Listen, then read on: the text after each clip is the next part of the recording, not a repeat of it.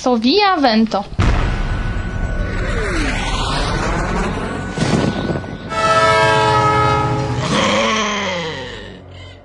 Estas iom ebria, estas varsovia vento, estas la unua matene en Reykjaviko. Esperanto, bla bla bla. Ĉu vi povas diri vian nomon, fakte? Compreneble, mi, eh, mi nomiĝas eh, Nicola Ruggiero. Ne compreneble, sed eh, do. Kaj vi loĝas kie? Mi loĝas ekde pli malpli du jaroj en Islando, en Reykjaviko fakte. Kia stranga afero, kial povas esti italo en Islando? Do, compreneble pro virinoi. Ciam esas pri virinoi, ne scias kiel.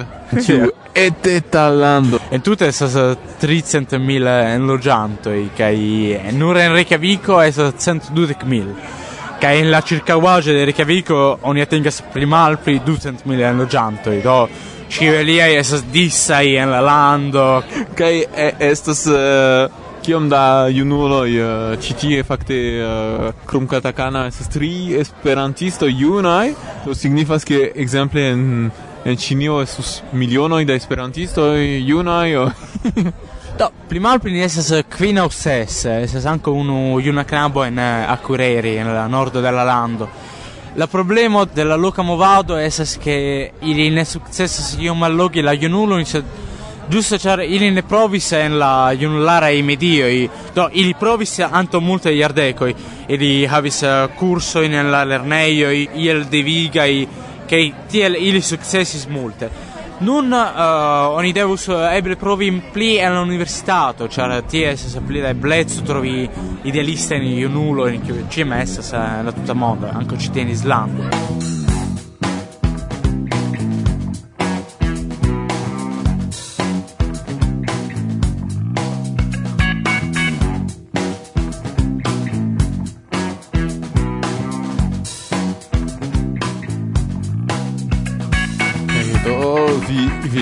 Verkis kelkajn uh, unu o du o tri o kvar libroj, kiu minimum unu. Eh, mi verkis nur unu poemaron, nur unu libron, kiu cetere eh, daŭre aĉeteblas, pardonu por la senpaga reklamaĵo, sed mi profitas.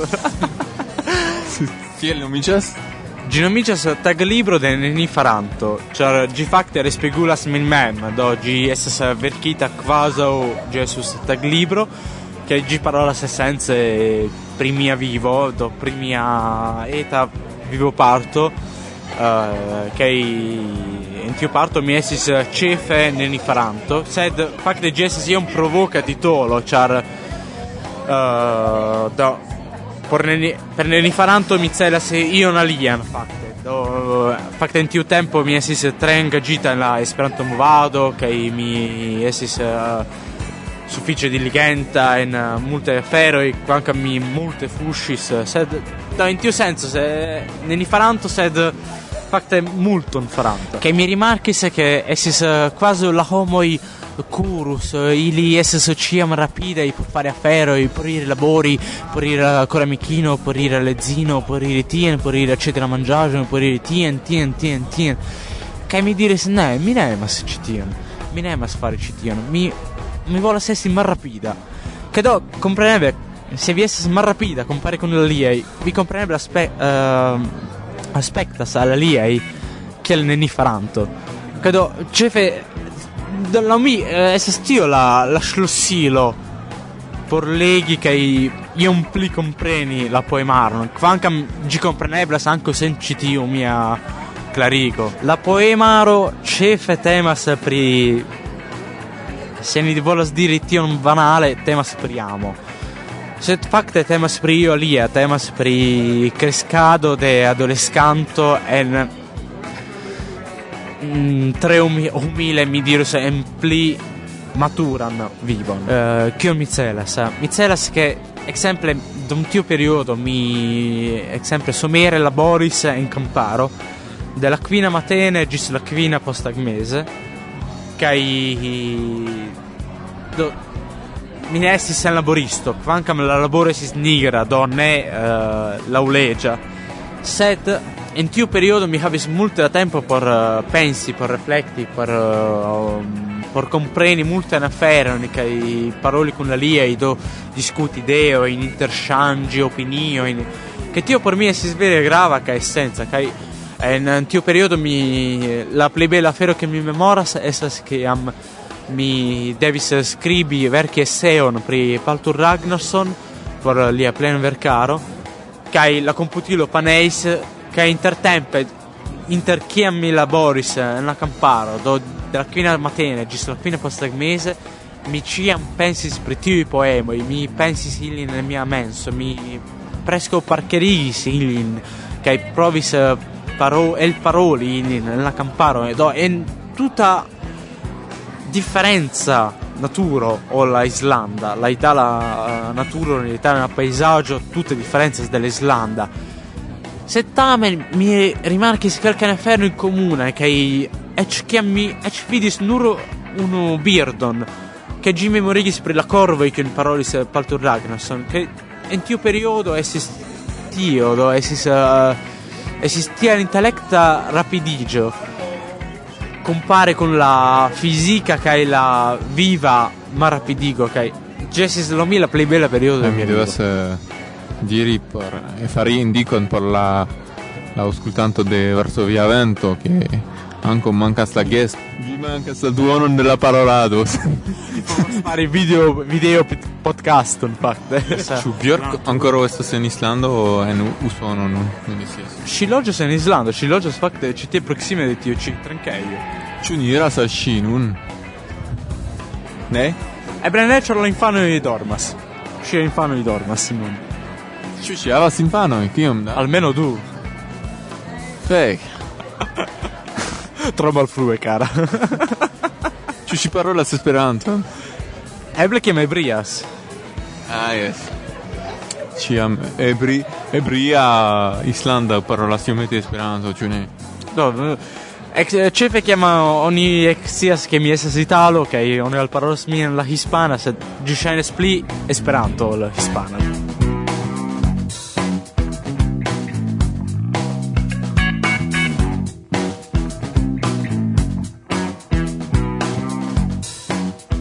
Do, ni povus transiri alla lia tema, sempre do mi estas ankaŭ redaktoro de Tutmonde kaj ni avide serĉas artikolojn.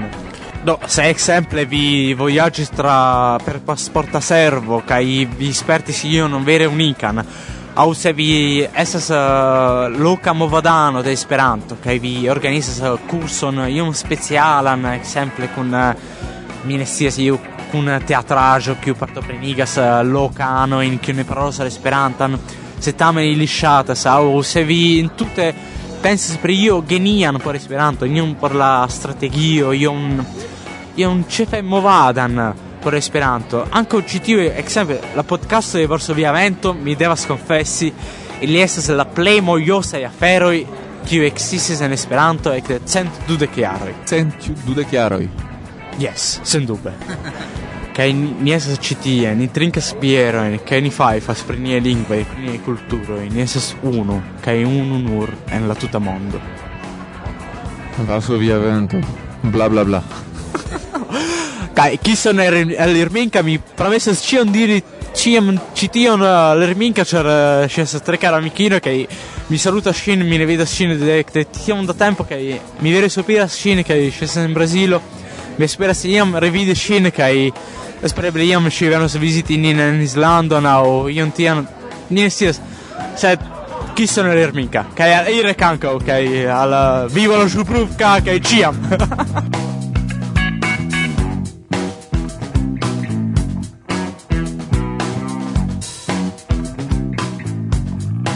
mi volas dire che mi estas ĉi tie en Islando ĉar uh, mi amas uh, mian knabinon kiu nomiĝas Siro kaj kiun mi salutas nun kaj mi invitas uh, ĉion mian amikojn veni ĉi tien viziti nin kaj ili povas loĝi en, en mia domo kaj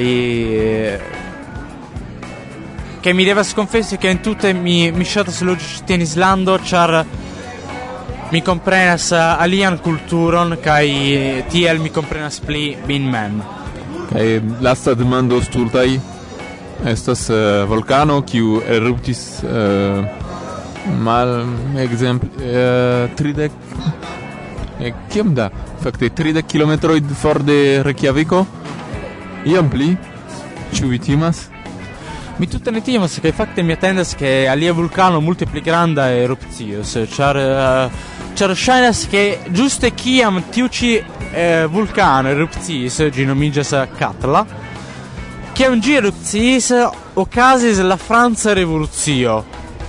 Giusto char do la la cindro uh, inundis la mondon kai en Francio esis malsato pro tio che la campo ne povis bone uh, che schighi la produtta vere. Yes sh do shine steel do oni racconti stino al mi.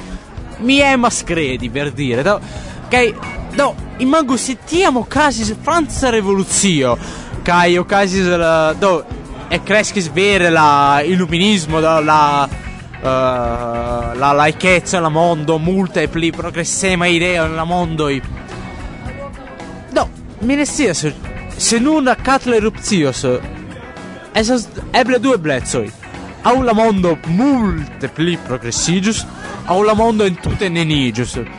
Do mi emas esperi la pli progressigio della mondo.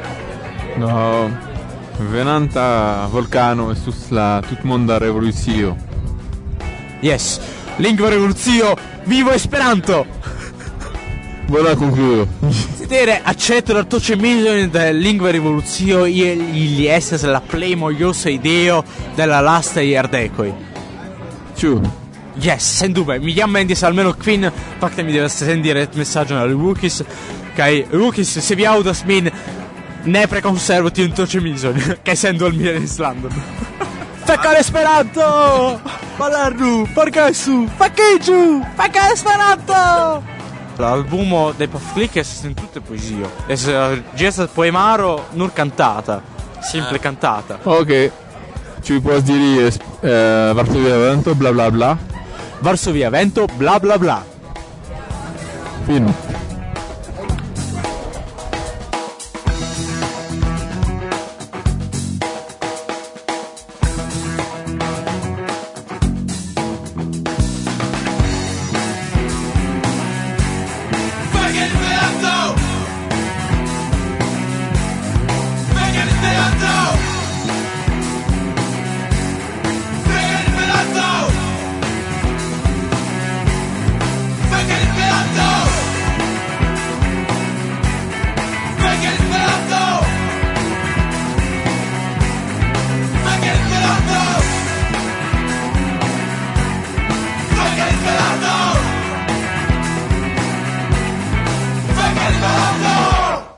Varsovia Vento. Saluton, mi nomiĝas Mariusz.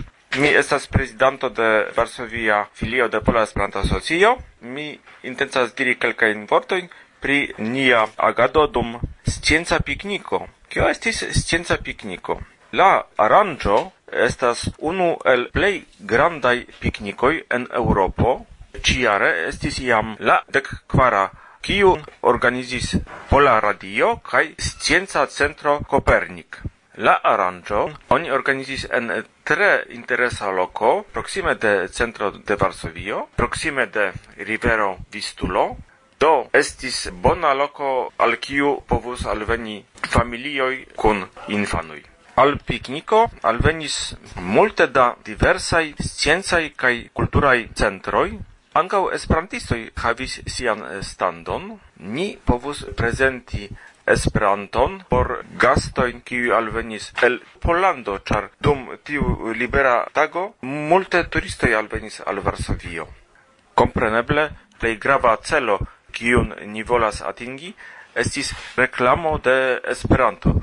Estis mallongaj lecionoj, kiuj gvidis spertaj instruistoj de nia societo. Krom tio, ni prezentis filmon Esperanto estas, ni preparis ekspozicion de esperantaj libroj kaj revuoj, ni ofertis ankaŭ diversaj ludojn por infanoj kaj plenkreskuloj.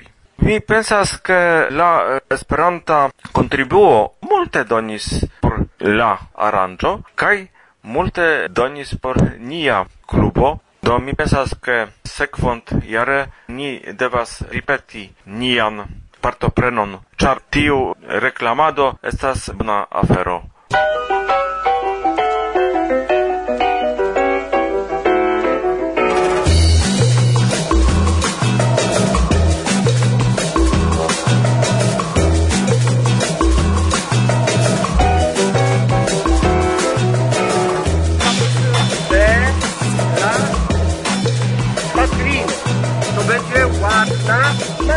Prawda?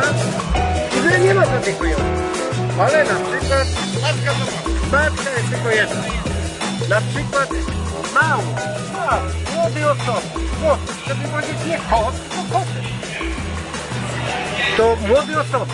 To zamiast tego dodaje się tylko i, dy i dopiero o, prawda? Czyli katki do to będzie kocie, młode kocie, prawda? jak będzie. Saluton carai, nun la decduante junio mi cun Gali che la microfono compreneble estas en la urbocentra parco de Varsovio kio okazas la dekkvara scienca pikniko. Tian vi ne vidas, ja la raporto estas nur zona, tamen eh, io mi povas priskribi kion mi vidas. Boulanger sur homard, donc je vais, j'accepte de prendre ici, mission dans la rue en Louis ludu Paryża, tak jak kiedyś mówili, prawda? Rzekam się od tej pory wszelkich praw autorskich do tego języka.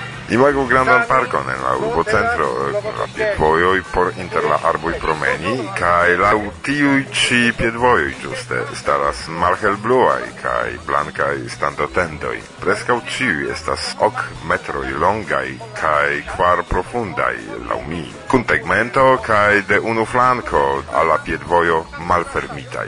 Ene de la tendoj estas tabloj seĝoj kaj konekto de la elektra energio, ekzemple por uzi komputilojn kaj en la tuta parko estas pli malpli ĉirkaŭ ducent kvindek provizore organizitaj tiuj standotendoj, en kiuj prezentas sin diversaj sciencaj kaj teknikaj institutoj, universitatoj kaj organizoj de la socia aktiveco. Z niemieckiego wziął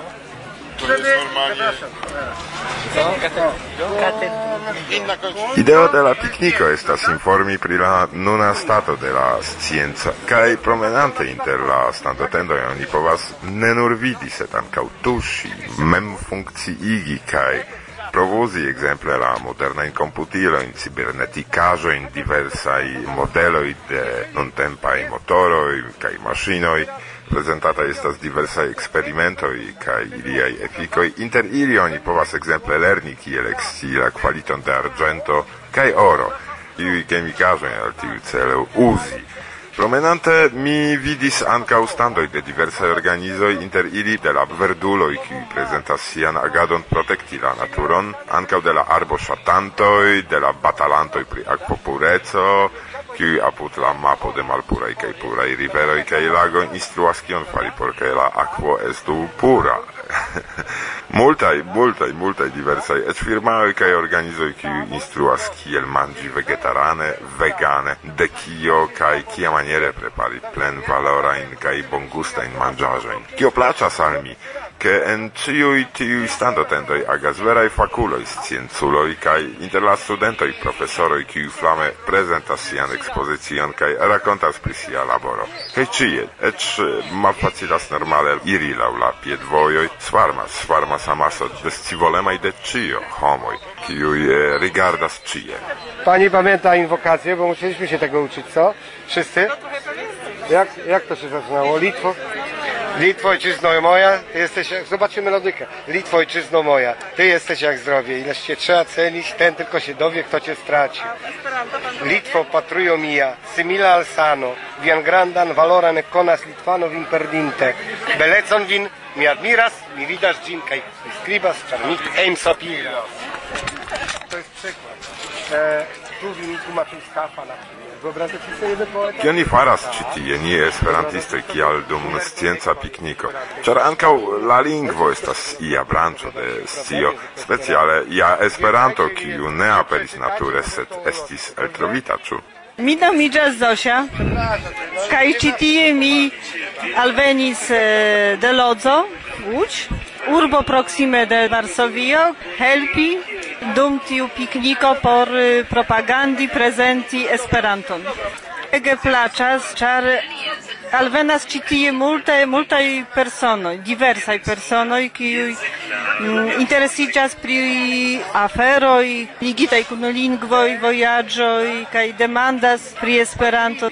Kelkfoje okazis ke eh, iam ili lernis aŭ iu en familio estis esperantisto kaj ne estas unua kontakto kun Esperanto. Ĉar mi ege amas Esperanton kaj mi estas vere kontenta ke ni povas paroli Eh, emi al lernado de Esperanto.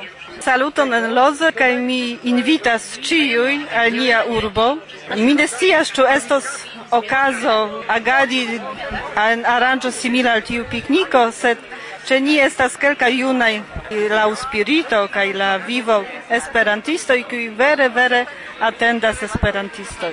Gis la reaudo au revido en lozo. Nia stando aspektas bele, kion vi povas vidi sur la fotoj, por prizorgi la tendon venis grupo de esperantistoj de la Pola Esperanto Asocio, Varsovia Filio, Loza Filio kaj kompreneble la klubadoj de Varsovia Vento.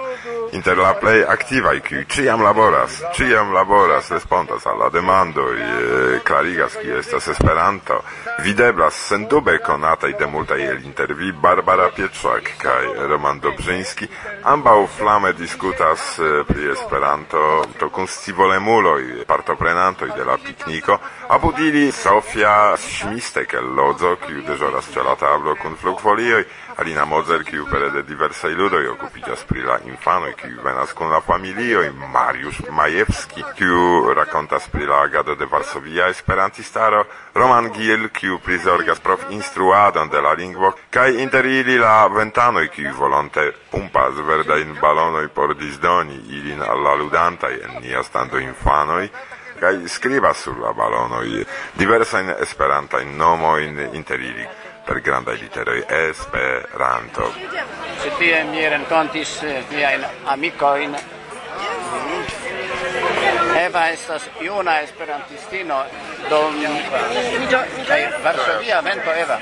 Varsovia vento sono. Varsovia vento. Do vi tion ne vidas, sed mi tion vidas, ke Barbara, kiu estas konata pro voĉo al multaj el intervi, nuntempe agas kaj varbas al Esperanto, do ti estas vere bona impresa por mi bildo. Do, mi nur povas diri, ke estante aktiva esperantistino de um, tre multaj jaroj, aktivante kaj en PEI siatempe, kaj poste en PEA, kaj en UEA, Mia tasko estas ankaŭ informi pri Esperanto, do mi ne, ne predifinus tion kiel varbaron, sed jes tiun gravan taskon, kiu havas ĉiu eh, el esperantistoj informi pri Esperanto eksteran publikon. Mi simple ĝojas, ke la duan fojon eh, Pola Esperanto Asocio Varsovia filio estis invitita kai charmi ne partoprenis eh, en la 2009 desprimis pli volis kiel tio povas okazi nun. kai generale eh, la impreso estas tre pozitivaj, kai kompreneble ankaŭ tiu ci aranĝo ebligas al ni konstati kiu el la gekolego estas plej bona en tiu maniero varbi la publikon kiu estas pli bona por la intima interparolo do um, mi kredas ke estas tre bone che ni havis tiun ĉi okazon.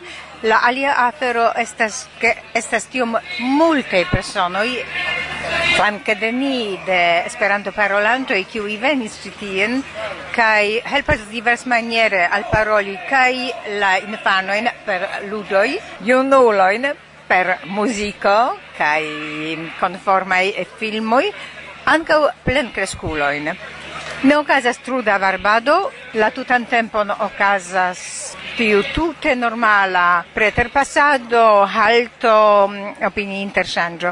Mi credas che estas eh, tre bona aranĝo, tre sukcesa la laŭvican fojon kai sole restas eh, esperi che la tria post unu jaro ancora estas pli bona, pli trafa. Tio ankaŭ instruas nin kia maniere elpaŝi kiel esperantistoj en la publikaj aranĝoj. Dum quelca tempo mi en Varsovio quasi iomete timis partopreni tie in aranĝojn kaj nun ni devas paroli al la publiko, ĉar kiam mi aŭskultas preterpasantojn, ĉiuj scias pri kio temas. O, oh, patrina o patro diras alla infano, vidu, tie oni parolas pri tiu lingvo Esperanto. Do ne kio estas Esperanto, pri tiu lingvo Esperanto kaj iuj volas halti kaj eksiom pli Estes multae kiu volus jam nun komenci kursoen, do tio jam, eh, tio estas la plej grava pero tio estas la sukceso. Ĉu ni povas atendi iajn rezultojn de tiu ĉi barbado aŭ informa agado?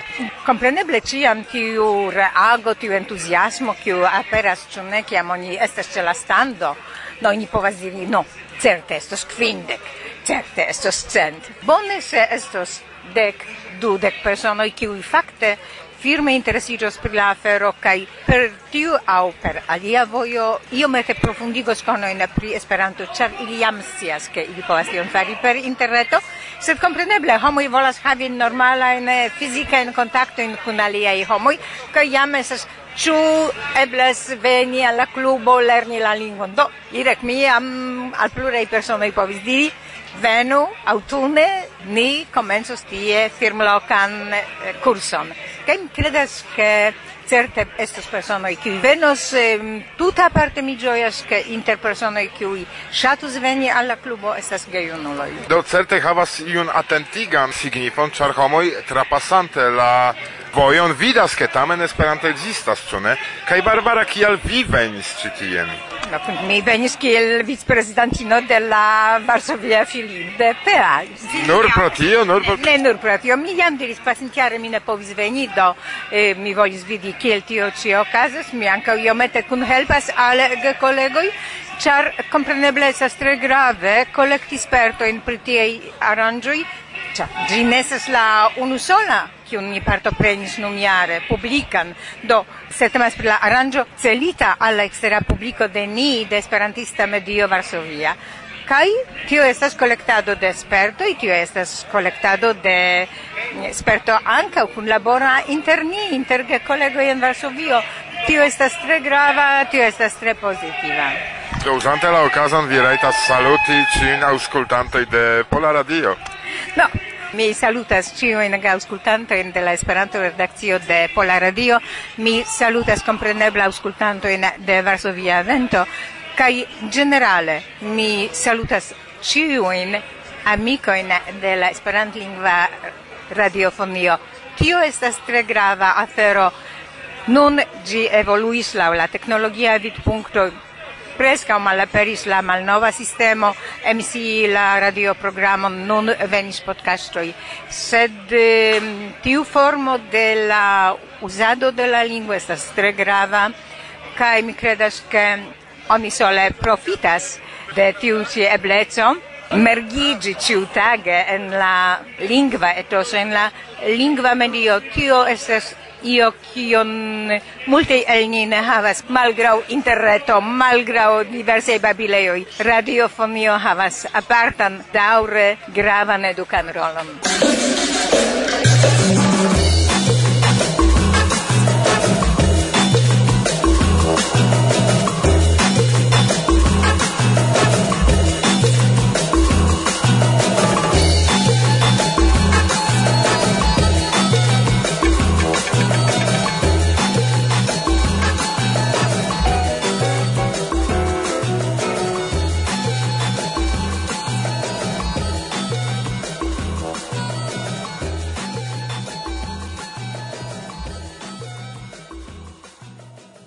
via vento?